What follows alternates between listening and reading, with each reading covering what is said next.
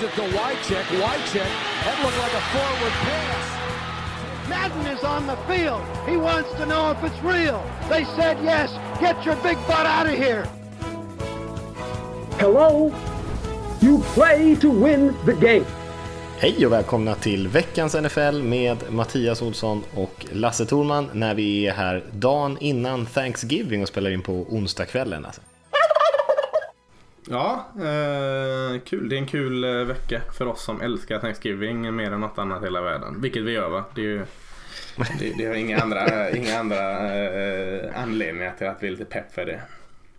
Nej, precis, precis. Det är ju allt det där med hela, hela släkten kommer på besök och kalkonen ska fram Precis, och allt det där. ut och spela lite fotboll i trädgården och sånt. Eh, där Ja. en, en eh, farbror tar det på lite för stort allvar och så. Eh, det är ju en tradition vi alla svenskar känner till och vurmar om väldigt väl. Det, är ju nästan sådär däremot, jag vet att du raljerar lite nu, men det är ju nästan så att alla amerikanska traditioner blir ju lite svenska traditioner eh, ändå på något sätt. Så alla, alla som växer upp här vet ju ändå vad det är på något sätt. Det är lite konstigt egentligen. Eh, vi har en väldig USA USA-flört här från Sveriges sida. Ja men det har vi. Eh, och, och eh, Thanksgiving eh, kanske inte har anammat så mycket men, men eh, dagen efter det, Black Friday är ju liksom eh, the- Black Week. eh, the shit, eh, the shit, the shit nu liksom. Det är, Black Friday överallt här. Eh, Så nej, visst är det så att vi, vi tar efter eh, Amerika när det kommer till det. Eh, Men ska du, har du, eh, står du och droppar en kalkon här efter speech eller? Eh, Nej, jag har faktiskt, jag har faktiskt Speech. kokat min lite cran. Jag har faktiskt kokat lite cranberry sås idag, så jag ska faktiskt inte säga någonting. Eh, och ska faktiskt laga lite Thanksgiving-mat, men jag skippade kalkonen och gjorde en liten kyckling istället. Det kändes inte rimligt att göra en fem kilos kalkon till, till eh, mig och sambon här. imorgon. Nej men det är ganska trevligt att göra det, alltså kyckling du. Man kan ju köpa lite kalkonbröst och sånt liksom och köra Ja, det. Så- men, men det är fasen klart man eh, ska piffa till det om man får chansen. Jag hade tänkt att jag inte skulle göra det men jag blev lite sugen här när jag började tänka på det. Så vi, vi får väl se. Mm, mm. Nej men det är ju klart, All- alltså när man får göra någonting lite sådär eh, extra på en torsdagkväll är ju, eh, ska man ju ta den chansen, jag håller med dig. Absolut.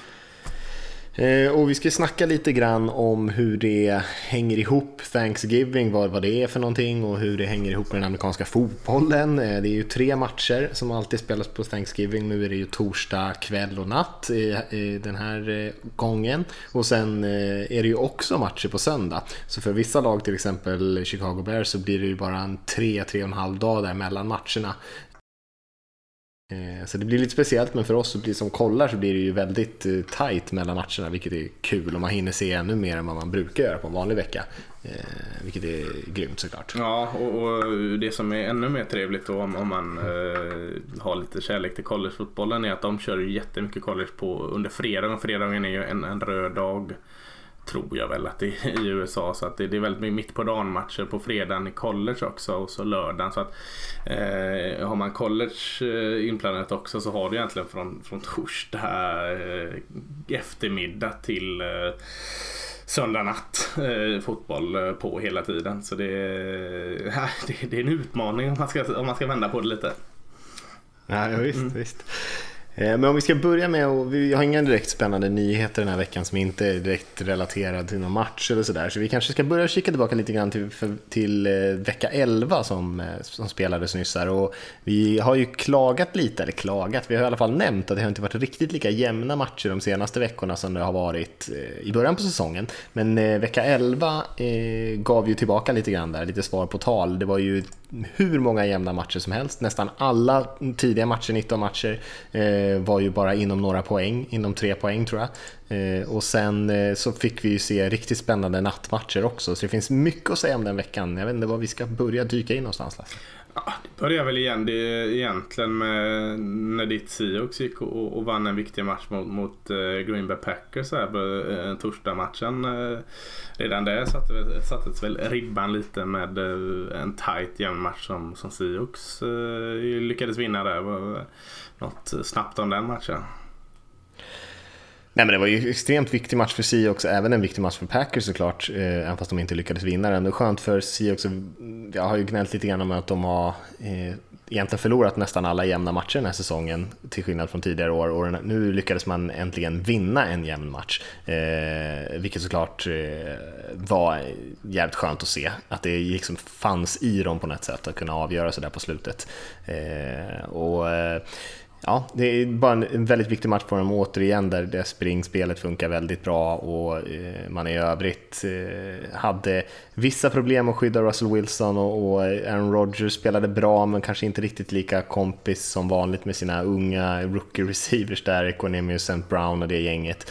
Eh, som, eh, han var väldigt frustrerad, eh, Rogers, även fast han gjorde en bra match. Det syntes på honom att eh, hans medspelare var inte alltid han tro, tyckte att de skulle vara och sådana där grejer. Eh, så, men ändå en, en jämn match där eh, vem som helst egentligen kunde ha vunnit. Eh, men skönt för mig att mitt Seahawks lyckades vinna den där tajta. Mm, jag tyckte ändå att Devonte Adams i Green Bay eh, hade också en riktigt fin match där. Så han och mm. Rodgers klickade fint i alla fall. Tänkte en annan ja. sak du sa där med, med att uh, Seahawks springspel fungerar så bra just nu. Lite konstigt, jag har tänkt på det här med offensiva linjer och, och Seahawks offensiv linje kanske man snällt kan beskriva som konstig. Uh, där att just nu funkar de väl, rätta mig om jag har fel, funkar de väl relativt bra i just springspelet men har fortfarande väldigt stora problem i passspelet. Eh, så är det väl eh, om man ska dra en, en, en generalisering över linjen. Verkligen. Eh, och jag tycker det är lite konstigt att inte är, man ser det oftare och tydligare på offensiva linjer. Alltså att, för att kollar du eh, linjespelare för linjespelare, framförallt när man kanske ska kolla dem inför en draft och sådant, så, så är det ganska tydligt på ganska många av dem att han är bra i spring, han är bra i pass. Jag, jag tänkte lite på det när jag, när jag tänkte på Siox linje där att här är det väldigt tydligt en linje som fungerar så bra i spring och, och så dåligt i pass. Att eh, det inte, man inte ser de glappen oftare på offensiva linjer. Det, det är lite, tycker jag är lite konstigt och något man inte har tänkt på så ofta.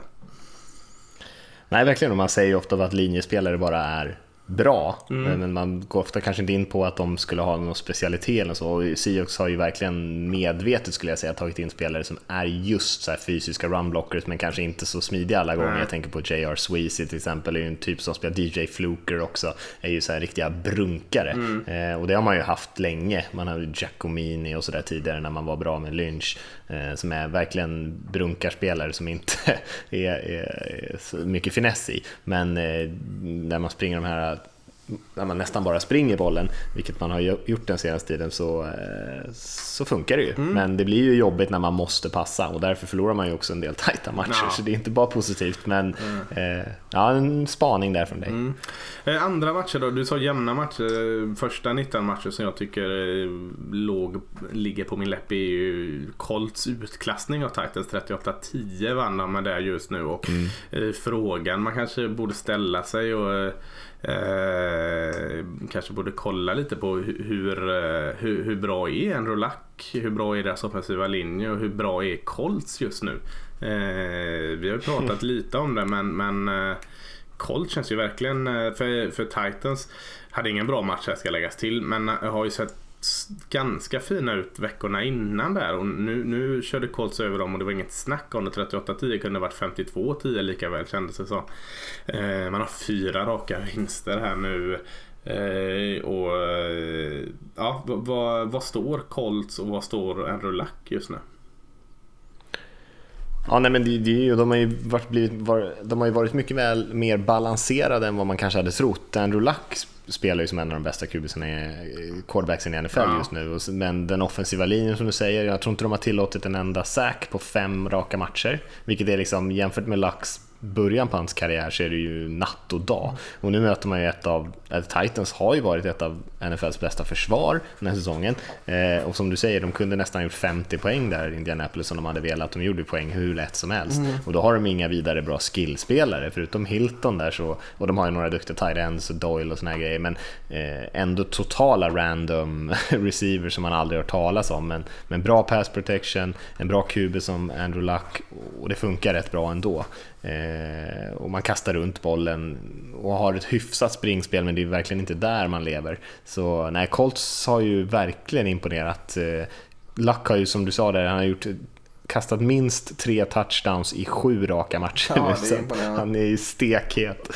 En annan QB som jag tror också kastade för tre touchdowns och hade en bra match men förlorade lite snöpligt var ju Cam Newton och Carolina Panthers som eh, förlorade mot Detroit Lions här. Eh, väldigt snöpligt också. De valde att gå för eh, två poäng därefter eh, en sen touchdown och den gick inte hem så man föll där med 2019.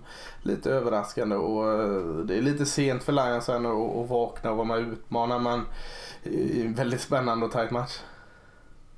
Ja, verkligen. Och kaxigt.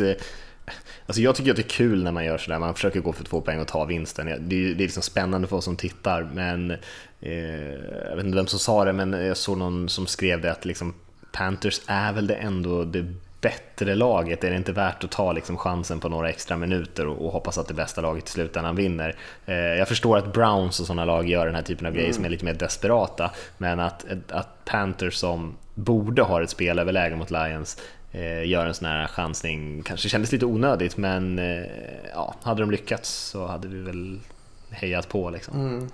Eh, såg du något av toppmatchen New York Giants Tampa Bay Buccaneers? jag såg faktiskt lite grann, ja. för jag tänkte så här, nu kommer Buccaneers komma tillbaka här och var tvungen att gå in och typ eh, la ett litet live-bet på att Winston skulle vända och de var ju nära, de var jäkligt nära. Den slutade ju 35-38 till Giants och eh, Winston öste in touchdowns där efter Fitzpatrick hade blivit bänkad igen. Ja. Eh, jag vet inte vad headcoachen där gör.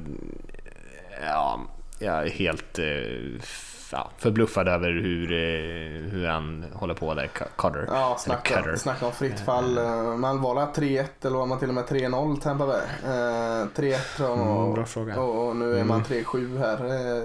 Giants har två raka vinster där nu. Betyder inte så mycket. Men Eli Manning tänkte jag mest på. Såg läskigt bra ut alltså.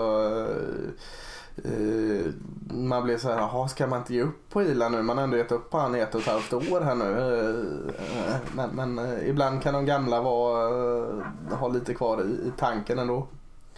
Ja, det var ju Bucks försvar också får man ju tänka på. Ja, kanske. jo, men, men Ila har, har, inte ens klarat av koner som försvar innan. Så ja, det var Nej. spännande att se. Vad, vad var det mer för matcher då som stack ut?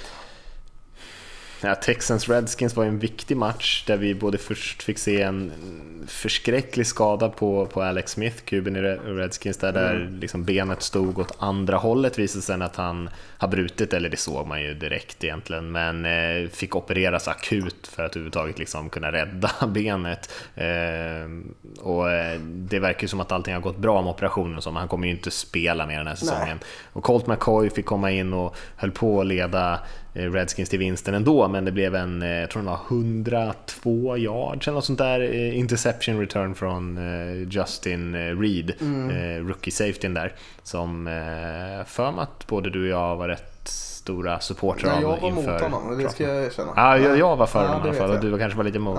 Ja. så han fick, gjorde ett stort spel där i slutet i alla fall och det blev ju en väldigt dramatisk avslutning på den matchen. Mm. Kul att se. Jag, de har vunnit sju raka nu Texas. Ja, det är imponerande. Och, eller det, det, jag vet inte det, de är inte så jäkla imponerande, men det är imponerande att ha vunnit sju raka. Eh, jag ser inte dem som ett lag som är sju raka. Nej, eh. och det är inte säkert att de hade vunnit om inte Alex Smith hade skadat sig heller. Vi, det vet man ju inte. Ja, tycker du säljer Kopakar kort? Det är ju en av mina... Han kastade in touchdown också ja, i och för sig. Så att han gjorde ju bra. Jag tycker det är en av de bästa och ja. mest pålitliga backupsen som finns i NFL. Och det är klart jag gillar honom extra mycket eftersom han var dominerande i Texas i college där. Men, eh, precis säga ja, det. Men, men eh, jag blir alltid glad när jag ser honom. Eh, mer eh, Lamar Jackson. Vi fick se eh, sista kuben ut och starta en match av årets eh, första runda kubis eh, när Baltimore Ravens sprang, sprang och sprang och sprang och sprang mot eh, Cincinnati Bengals usla försvar. Eh, och det räckte, men det var inte så mycket mer än så. Det var en ganska eh, tråkig tillställning där men Eh, kul ändå att få se Lamar Jackson visa vad han går för. Ja, eh, kanske inte sådär jättehållbart och Nej, eh, jag vet det, inte om det, är ett positivt tecken eller det här. Alltså att det var sån match från Lamar Jackson och jag skulle nog inte, ja, jag, jag ser inte det som ett positivt tecken att coacherna har den typen av förtroende för honom att de springer honom typ 27 gånger tror jag han sprang med bollen. Eh, det är ju stort sett som att spela en running back där och jag menar, det är klart han har den skillsen. Han är, han är bra på det, men eh, ja, det, lite mer balans hade man kanske velat se för att, ja, för att de skulle ha något som helst förtroende. Med. Det, är, det är så att det, det är inte så att man eh, bara sätter in en och, och, och kör med någon eh, wildcat-position här. Så att, ja, jag, jag håller med vad du säger. Men han har ju en ganska rapp arm. Inte alltid att den är den eh, mest eh, träffsäkra. Men ja, det är som du säger. Nu kommer han väl få starta här nästa match också. För jag tror eh, Joe Flecko inte riktigt är hel än. Så jag hoppas att de kan eh, få in honom lite mer i passspelet.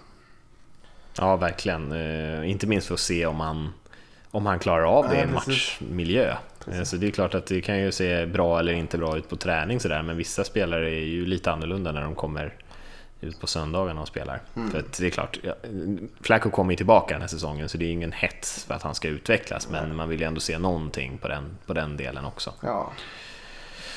Eh, ditt Cowboys vann en viktig match mot Falcons. Falcons har nu torskat både mot er då och sen mot Browns innan det och säsongen börjar ju se väldigt, väldigt, väldigt eh, borta ut för, eh, för Falcons. Ja. Cowboys å andra sidan eh, ser ju bättre och bättre ut. Det är väl kanske inte Eh, Colt McCoy kanske inte är något enormt nedköp från Alex Smith där Redskins, men eh, ändå får man väl ändå säga att det ser lite, lite ljusare ut för Cowboys som, som jagar Washington där bakom eh, när de har blivit av med sin startande QB också. Eh, och med en vinst här så är man ju faktiskt bara en match bakom om man möter Redskins mm. nu på Thanksgiving. Man har, man har Zeke Elliott i offensiven och så har man just nu ett väldigt bra försvar. Där eh, Sean Lee är skadad i vanlig ordning men för en gång skulle har man en eh, en ersättare till honom i Leighton Vanders, eh, rookie linebacken där, eh, som har verkligen överraskat på mig. Han är skitbra. Eh, fantastiskt bra till och med. Så att, det finns gottigheter i cowboys. Det finns också mycket som inte funkar där. Eh, Los Angeles, San Diego är så nära att säga Los Angeles Chargers eh, lyfte vi upp. De var värda att lyfta upp dem, såg jättebra ut. Så kommer de in och är favorit och så förlorar de mot Denver Broncos. Chargers hittar alltid ett sätt att förlora eh, på något jäkla sätt. Jag, jag, har inte sett matchen, jag har bara sett lite highlights. Men eh, de såg bra ut på många sätt och så sen eh, föll de ner och förlorade. Jag, jag kan inte riktigt förklara vad det, vad det berodde på. Om det var eh, en kollektiv kollaps där i, eh, springförsvaret eller vad det berodde på. Men ja, det var en jämn match också, 23-22 till, till Denver där. Men ja, det är ständiga frågetecken kring Chargers. Ja, Broncos är ju inte, inte någon gimme såklart, men det är klart man måste vinna de här matcherna om man ska ta sig till slutspel. Det såg ju väldigt bra ut, man var 7-2 i Chargers där och, och eh, såg ut att cruisa mot slutspelet och så torskar man de här viktiga divisionsmatcherna. Eh, inte så bra vad jag har förstått, jag har inte heller sett den här matchen, vad jag har förstått så var, hade Philip Rivers ingen bra dag, gjorde en del misstag och sådär och eh, matchen rann ifrån dem lite grann. Vi, vi har ju en annan match som inte betydde alls så mycket förutom mer för draftpositionen när Raiders mötte Cardinals där eh, svenska Daniel Karlsson Karlsson som eh, Eh, fick kicken från Vikings, eh, eh, no pun intended där, och sen fick ett ny chans nu här hos Oakland Raiders, faktiskt sparkade in det avgörande field goalet i den matchen och gav Raiders sin andra vinst. En stor stund såklart för, för Karlsson och för oss i Sverige här. Ja, den polska Raiders-eran har tagit slut och den svenska Raiders-eran har påbörjat. Så nu får vi ha Danne Karlsson istället för eh, Jankowski där. Eh, nej men det var kul. Eh, ja, en, en skräpmatch i övrigt får man väl säga. Den hade mm. inte så mycket betydelse eh, alls. Men, men jättekul att en svensk sätter sin prägel på den. Eh, Saints krossar Eagles och min direkta fråga är hur bra är Saints eller hur dåliga är Eagles just nu? Ja, Saints är nog väldigt bra. Eh, de blir mm. väldigt svåra att slå tror jag. Eh, däremot ja. att Eagles i stort sett skämmer ut sig på det här sättet. Carson Wentz gör ju ja, fan, en... Var dålig. Han var direkt dålig. Ja, det gör han ju. Och alldeles, alldeles för mycket stora misstag och ja, och, och Saints är ju svåra att stoppa. Men det är klart, det är ju en, Eagles är ju en skugga av det lag som vi såg gå och vinna Super Bowl förra säsongen. Eh, man är 4-6 nu, man har fortfarande chansen med i och med att vi pratar om Redskins och Cowboys här, fortfarande ganska tight i divisionen. Eh, vinner Eagles nästa vecka och Cowboys spöar Redskins är man ju bara en match bakom. Men man måste ju spela mycket, mycket, mycket bättre mm. eh, än så här om man ska ha en chans att Eh, liksom knipa, eh, ta igen det försprånget som de andra två lagen har. Men eh, ah, det ser riktigt, riktigt illa ut för Eagles just nu. Men man är ju inte helt körd för det, i alla fall inte matematiskt. Nej, eh, Saints eh, är ju ett av de bästa lagen i NFL just nu. Man kanske kan eh, lägga fram att de är det bästa laget just nu. Men, men eh, Eh, vi kommer till två ganska skapliga. Vi, vi kan ta eh, två bra lag också här. Eh, Vikings Bears. Eh, Chicago vann med 25-20 där. Eh, vad fick man med sig av den matchen? Att Bears försvar är mm. fantastiskt. Alltså Bears är ju precis det laget som vi har trott hela tiden tycker jag. Eh, för Trubisky gör mycket med sina ben, han är otroligt atletisk. Eh, kanske inte pratat tillräckligt om hur bra han är. Eh, det är liksom Cam Newton-nivå nästan på Trubiskys produktion med benen. Men han är ju inte just nu tillräckligt bra som en pocket passer. Och han har ju lite av en genombrottssäsong i år. Det är mycket nog på grund av att man har en väldigt smart coach som gör precis det som Trubisky är bra på. De får ut honom på mycket bootlegs, det är ofta en read och sen kan han springa eller liksom fly ut ur fickan och där är han väldigt bra, det var han även i college. Men eh, eh gör för mycket misstag, missar enkla kast eh, och, och, håller inte riktigt. Det är lite Blake Bortles i Jaguars över Trubisky just nu. Det betyder inte att han inte kan bli bättre, men det är ju fortfarande deras stora svaghet. Är, mm. han, han producerar som helhet, men det krävs att han springer bollen ett gäng gånger per match för att han ska kompensera för de brister han har i, i eh, övriga delar av spelet. Mm. Men en superviktig vinst för Bears såklart, för att hålla Vikings bakom sig i divisionen. Chicago är ju ett jävligt häftigt lag, en, en rolig story i år verkligen tycker ja, jag. Chicago är 7-3 nu och Vikings 5-4-1 mm. och Green Bay eh, förlorade mot eh, Seahawks där. Så att verkligen grepp om den divisionen nu Bears. Så det, det kom snabbare än vad många, inklusive oss, trodde. Men, men, men eh, visst, jag sa här att Saints kanske är, man kan säga att det är det bästa laget i NFL just nu. Eh, två lag till som jättegärna vill blandas in i den diskussionen är Kansas City Chiefs och Los Angeles Rams. Eh, möttes här måndag natt och det var något man inte såg så ofta. Nej, nej, nej, verkligen inte. Jag såg den på tisdag morgonen där eh, och hade väl någonstans plockat upp några hint på hur det hade gått i den här matchen. Jag visste inte vilka som skulle vinna och sådär, men jag hade förstått att det skulle bli ganska mycket poäng i matchen. Eh, den slutar ju 51-54 till Rams för er som inte har sett det med 35 poäng i fjärde kvarten. Vi kan rabbla stats från den här matchen hela dagen. Det är ja, massor och massor av rekord och olika typer av knäppa grejer som händer i den här matchen. Man kan väl kort säga att den, det var mycket flaggor också. Försvaren var inte helt ute ur den här matchen, även fast det var mycket yards på banan så var det mycket turnovers, mycket sacks. Eh, Mahomes som har spelat så bra eh, och även gjorde mycket bra saker i den här matchen, hade fem turnovers, tre interceptions. Den, de i slutet var ju lite grann när man jagade, men även också två fumbles. Eh, Samson Ebukam, en eh, defensiv linjespelare i Rams, gjorde två touchdowns, en interception och en fumble recovery. Eh, och han var också på och slog till med Holmes arm på, på den avgörande interception. Så från ingenstans kom han upp och var en eh, superstjärna och Aaron Donald var ju absurt bra i den här matchen. Eh, även andra spelare som jag nämnt, D Ford i försvaret, även Chris Jones på mm. Chiefs linje. Så det var inte bara anfall, även fast poängen blev så, så hög, utan det var lite av varje, men det var verkligen det, det nya NFL, eller det som många tror kommer vara det nya NFL i alla fall. Ja, det, det, så här är det att kolla på Big 12-fotboll i college, då är de här matcherna alltid sådana här mer eller mindre eh, tok-offensiv med eh, mer att önska i försvaret. Eh, eh tycker också försvar, alltså två förslag, försvar som båda släpper plus 50 poäng ska ju inte få godkänt. Men, men det är väl som du säger, det fanns mycket gott att hämta i de här försvaren också trots mm. de här stora förlusterna.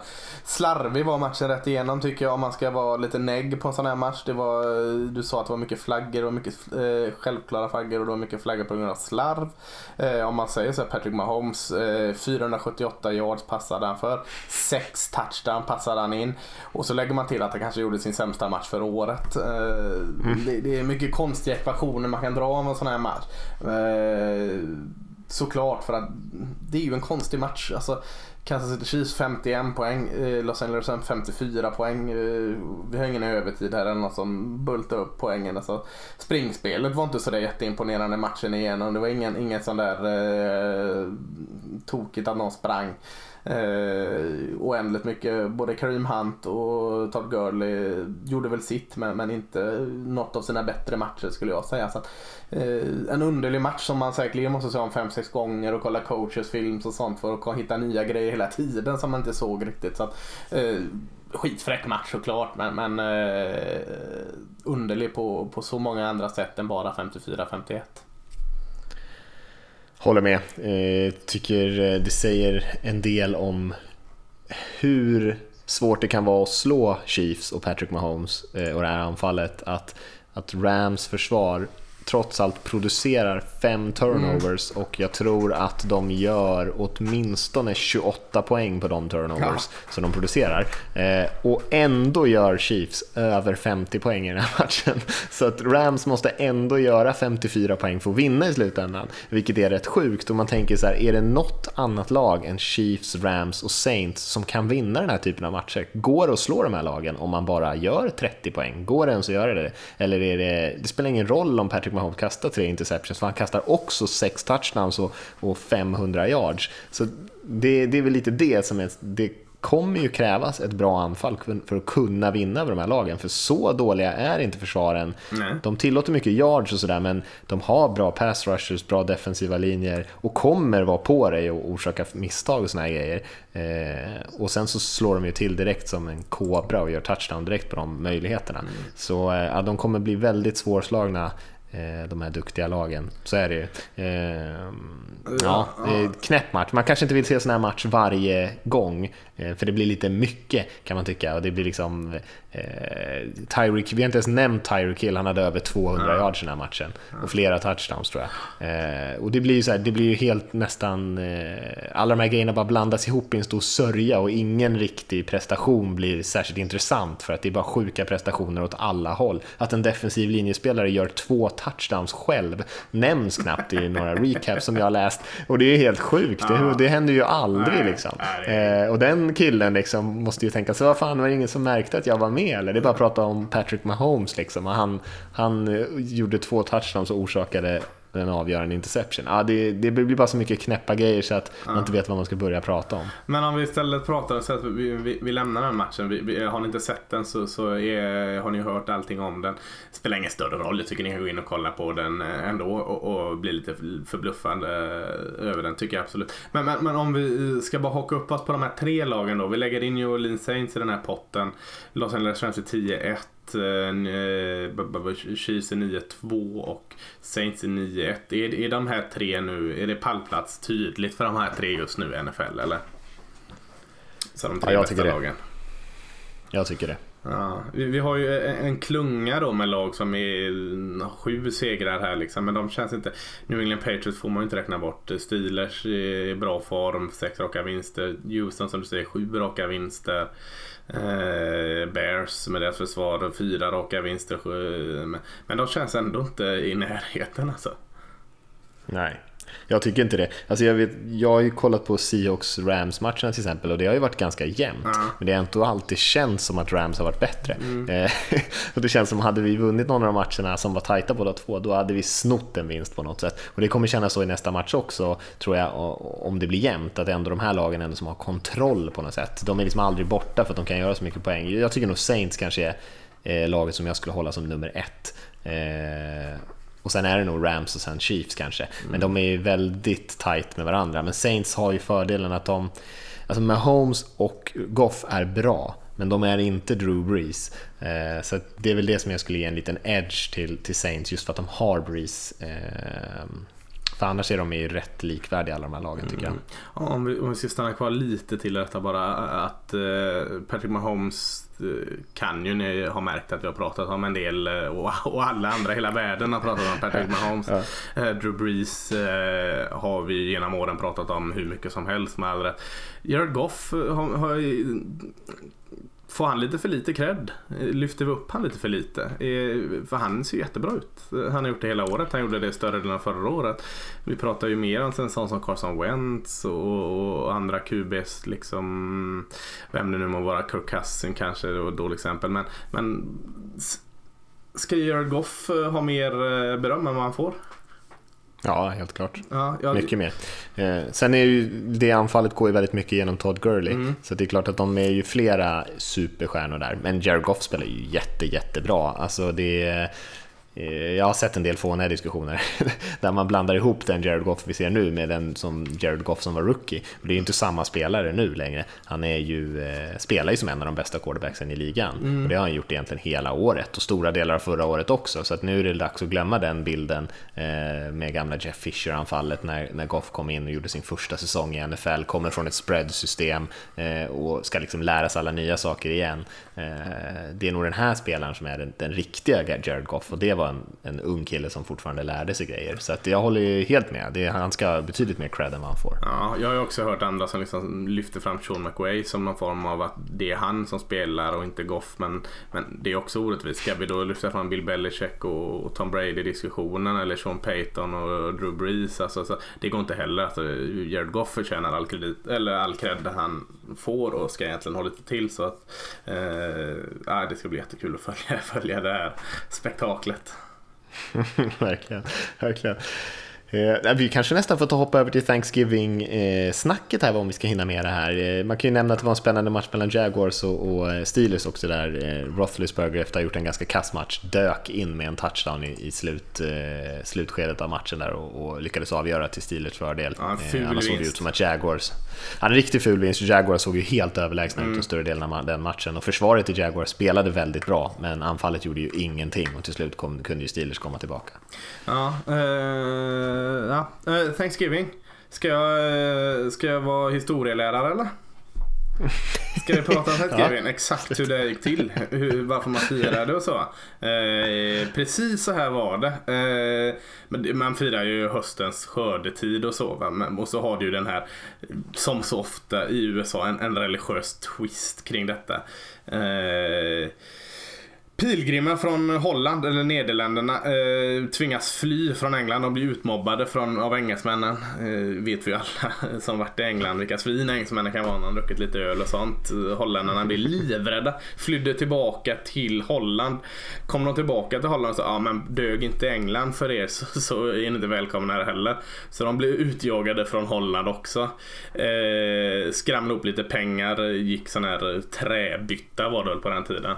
Till ett skepp Eh, de, då drog de tillbaka till England, jättekonstigt vad de skulle där göra igen. De, de visste två ställen, de visste Nederländerna och England så det var skytteltrafik däremellan. Men de åkte tillbaka till Plymouth i, i England och, och hyrde faktiskt en båt. De, de hade inte tillräckligt pengar för att köpa så de hyrde Mayflower har säkert folk hört talas om den båten. Eh, ta den i land eh, i USA 1620, eller det var ju inte USA då. USA kom till 150-ish år efter det. Kom de här 1620 där eh, uppe i nordöstra USA. Eh, tänkte de, ja men det här är inte England, det här är inte Holland. Det kan lika väl vara månen tänkte de. De visste ju inte vad månen var då kanske. Jag vet inte. Men eh, började de så grejer, gick åt helsike. Vad, vad såg man i, i tulpaner gillar de i Holland. Det kan man inte äta.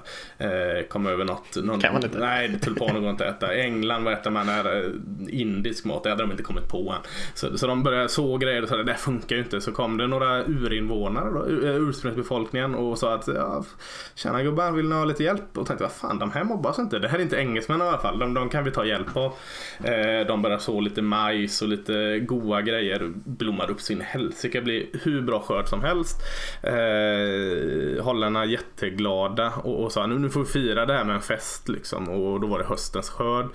Eh, det här med att äta kalkon, det är ju bara på. De jobbade med, med anker och gäss och sånt. Pumper hade de inte skördat den heller så det är efterhand konstruktioner och allt sånt. Och Anker och Yes eh, skadar de upp och fäster. Sen känner jag så här, vänta här nu, det är inga engelsmän som mobbar oss här.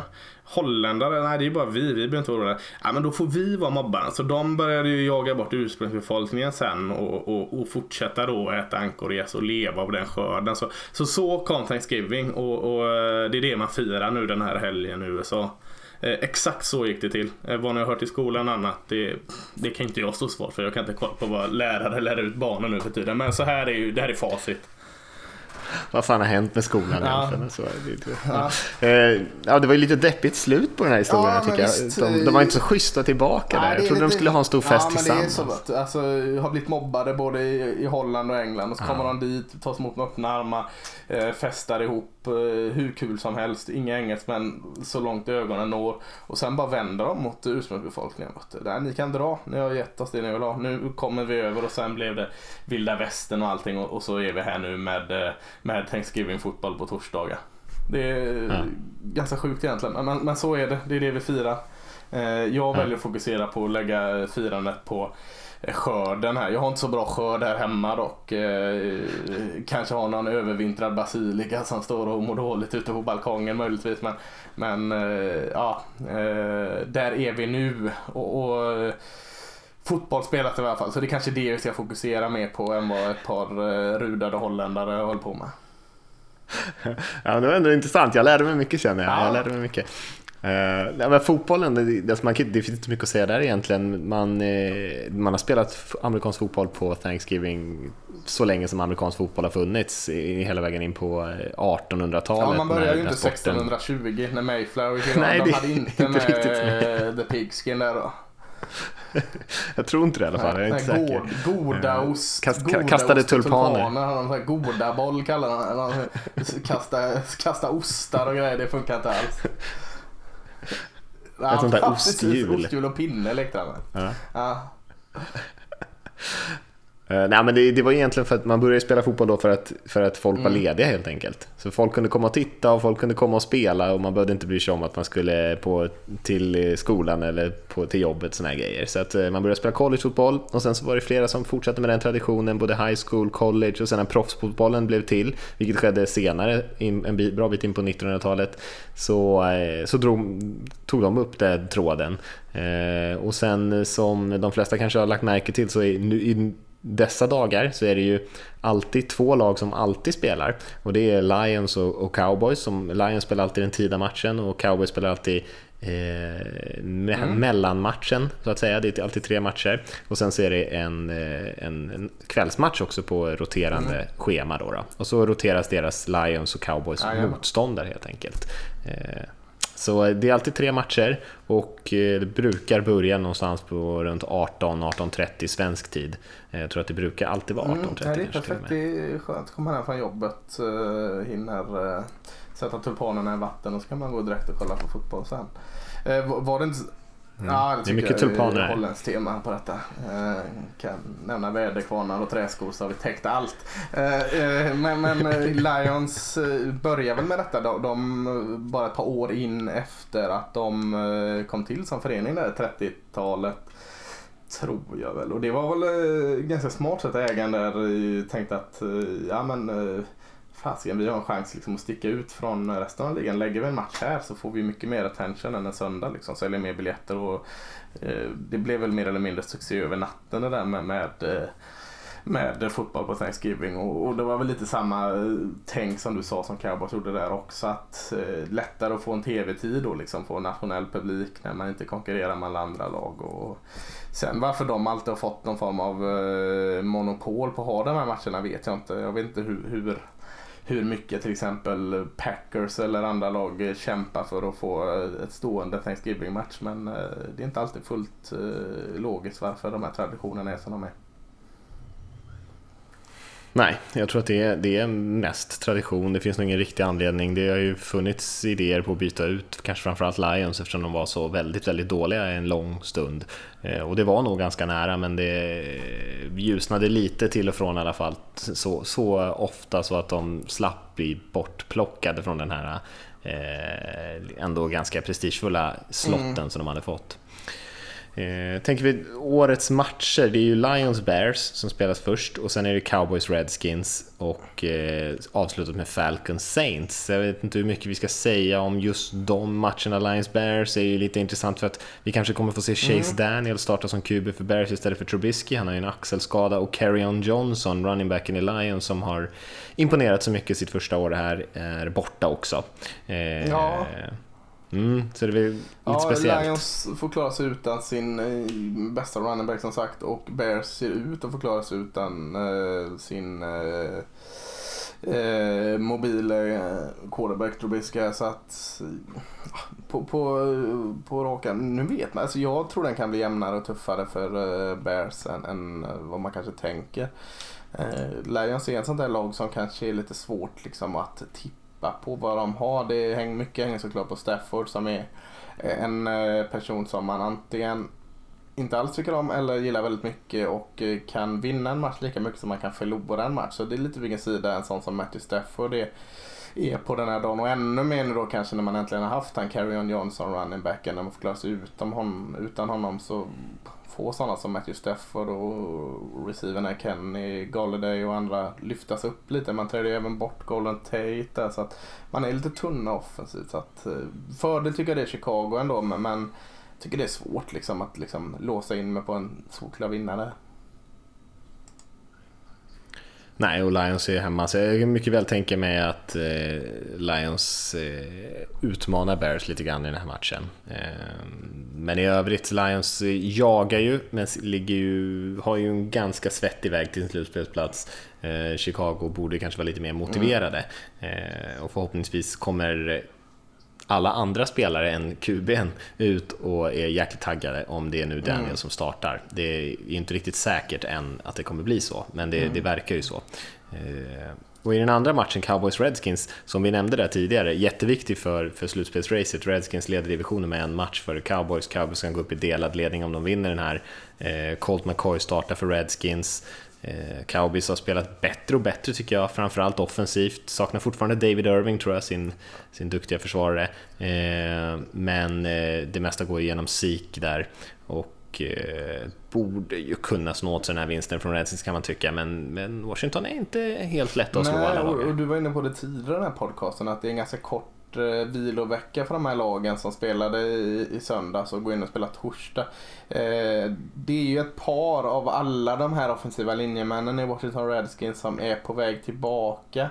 Eh, jag tror nog de jättegärna hade sett att den här matchen spelades på söndag istället för torsdag. För att eh, status är ett stort frågetecken på alla de här skadorna på offensiva linjen. Och det är klart med Colt McCoy där eh, så här, behöver han ju mer hjälp kanske än vad Alex Smith behöver i hans, framförallt hans stil som QB och han kommer in som backup. Eh, och så kan man vända på det. Dallas Cowboys, du säger att man eh, får klara sig utan Irving där på defensiva linjen. Det är eh, långt ifrån den enda. Alltså, de, de, visst, de har eh, DeMarcus Lawrence där eh, som, som är jättebra. Men, och, men eh, de har ungefär de har tre eh, defensiva linjer men hela.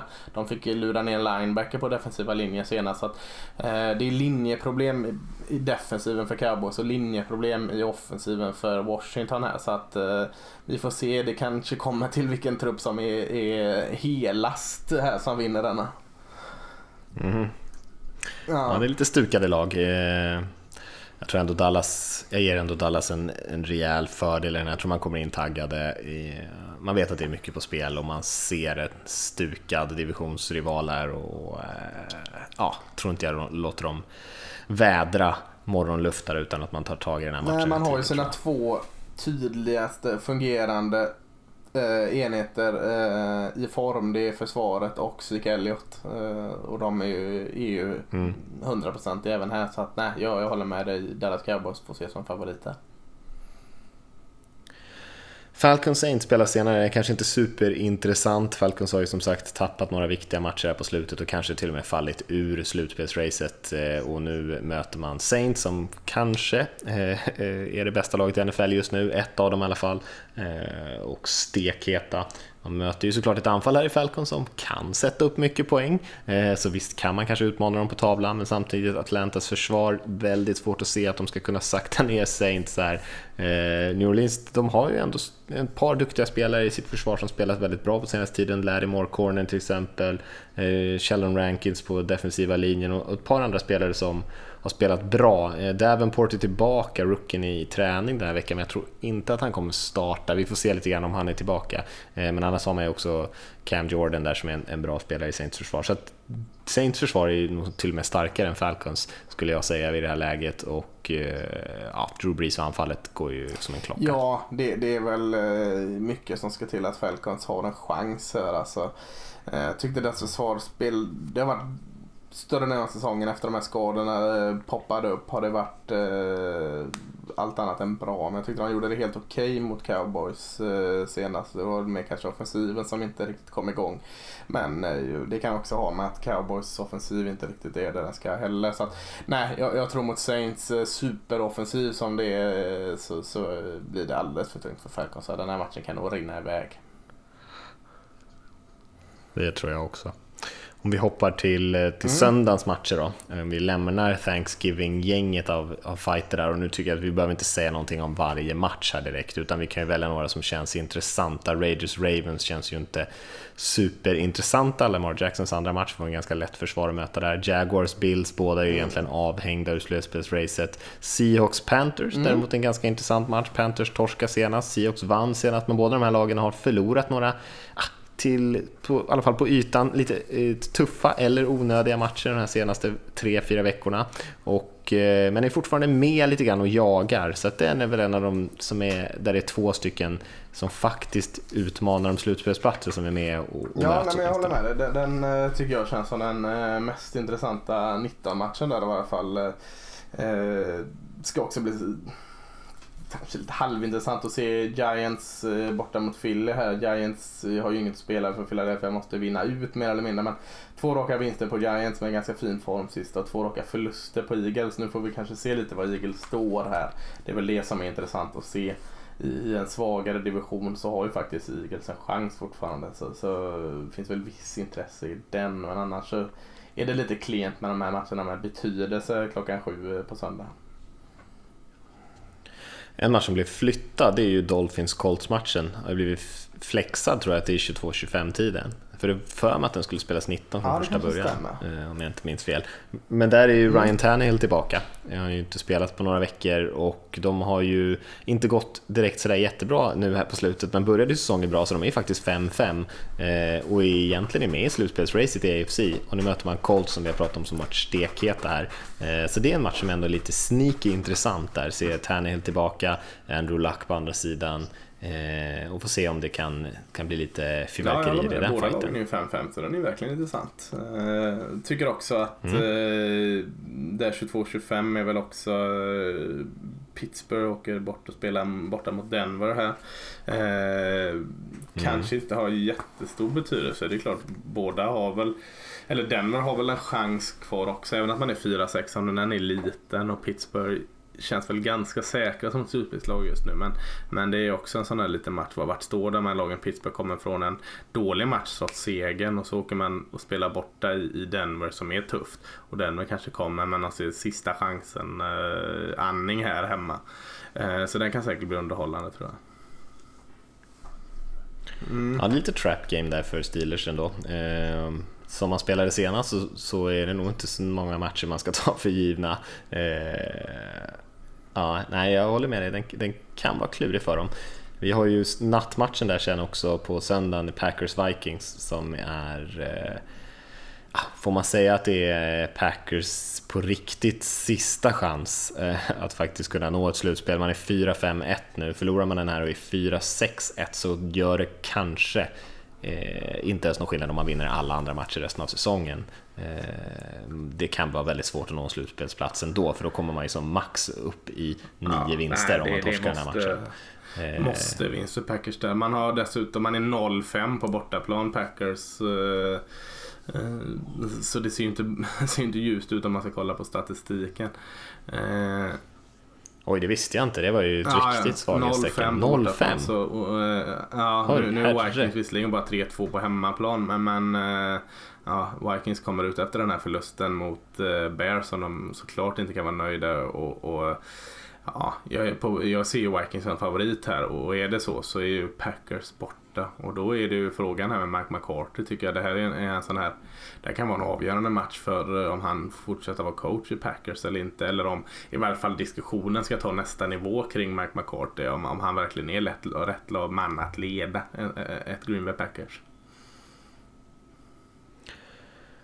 Ja, jag håller med. De har ju slarvat bort mm. väldigt många matcher. Eh, och i början av säsongen att man inte använde Aaron Jones tillräckligt och springspelet som har varit extremt effektivt mm. när man har spelat det.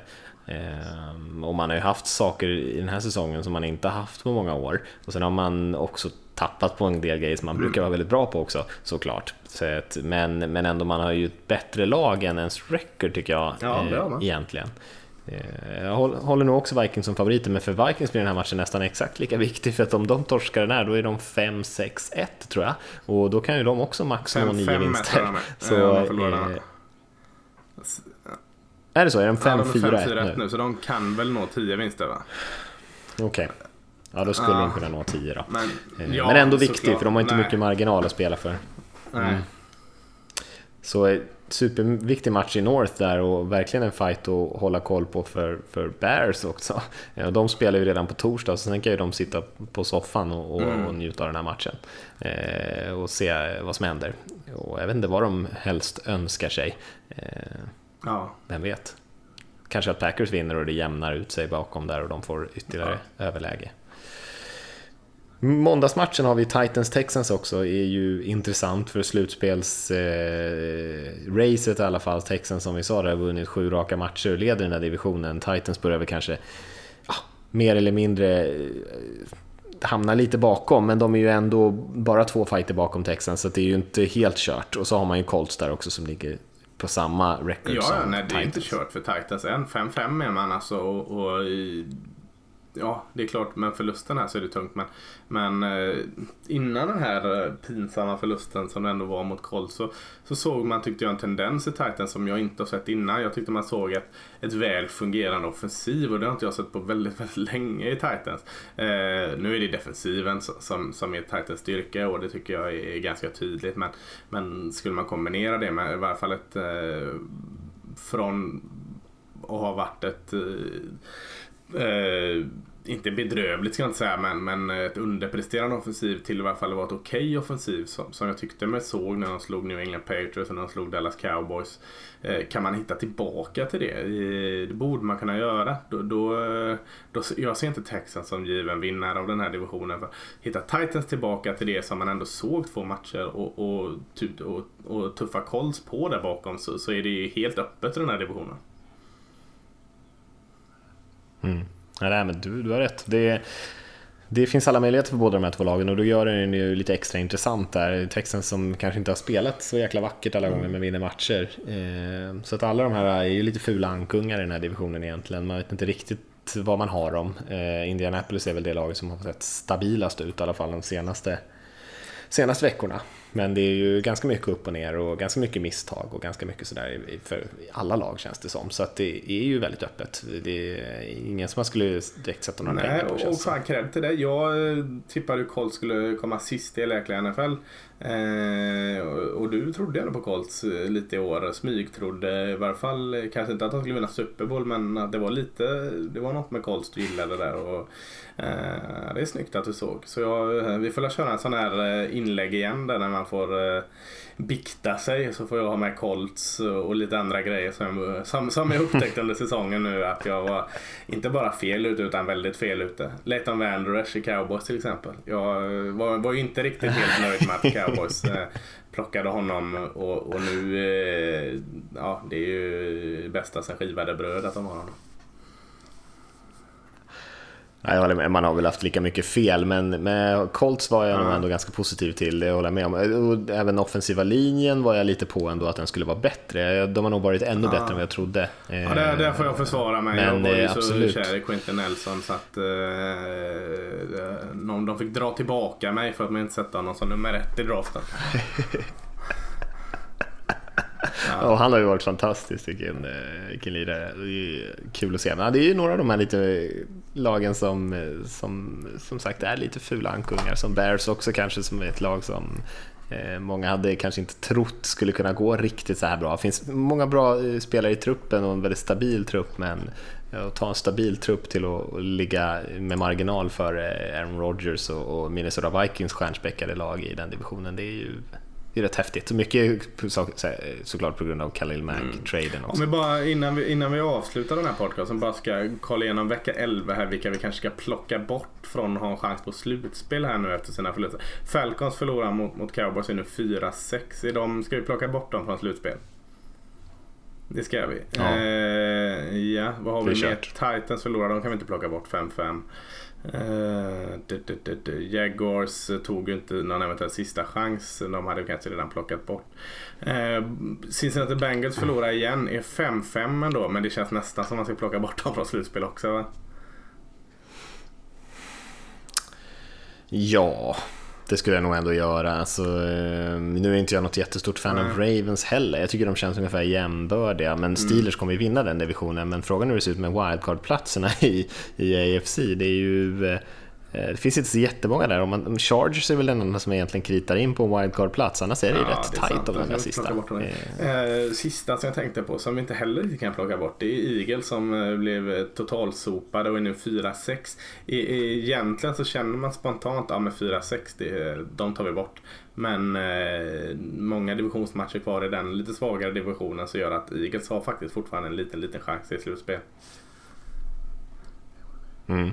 Nej, jag håller med dig. Jag, jag, tror att de får väldigt svårt att ta en wildcard-plats såklart, men de kan ja. ju fortfarande vinna sin division. Nej, så egentligen den enda vi kan ta bort helt är nog eh. Falcons va? Ja, då gör vi det. Då stryker ja. vi ett lag till. Ja, efter, efter, efter den här veckan kommer vi ju kunna ta ja. bort ett, ett mm. gäng lag skulle jag säga. Eh, minst ett NFC North-lag, eh, möjligtvis ett AFC North-lag mm. också. Ja, det kan nog ryka ett helt gäng lag. Eh, Seahawks också, om de torskar ser det ju, kommer det se väldigt, väldigt eh, svårt mm. ut att nå en Nej, men då, då, Vi rundar väl av då med att plocka bort Falcons från våra sådana här eh, cardboards eh, affischer som vi sitter med och, och följer slutspelsracet. De är inte längre in the hunt. ja, Synd egentligen. Ja. Synd, jag gillar Falcons. Men, ja. Eh, ja, men vi, vi kanske har så mycket att lägga till här. Det, skulle det bli någon eh, Thanksgiving-mat? Vad sa du? Skulle du göra någon Thanksgiving-mat? Nej, jag ska bestämma mig om det nu alltså. Jag, jag får göra ankor och gäst då som de gjorde på riktiga Thanksgiving. Ja, Just det. Duka upp ett sånt där osthjul, tryck ner lite tulpaner och bara ja, liksom börja i det. Så ta fram en bild på en väderkvarn på ja. skärmsläcken och så har vi, har vi Thanksgiving. Ja. Jag kör en äkta Thanksgiving kan du säga och det känns väldigt eh, hipstervarning på att köra osthjul och tulpaner istället för liksom ja, gamla kalkoner. Ja, över lite gäss. Jag får gå ut på åkrarna och leta efter kanadagäss eller något. Kanada, det är säkert massa kompisar om du skjuter ner några sådana. Eh, ja, eh, vi, vi, säger kanske så för den här gången och eh, så får ni njuta av Thanksgiving-fotbollen och kanske om ni fixar lite gott käk och såklart helgens alla matcher så, så hörs vi väl i nästa vecka. Då är det back to det vanliga schemat egentligen. Men ha så trevligt allihopa och njut av matcherna så, så hörs vi om en vecka.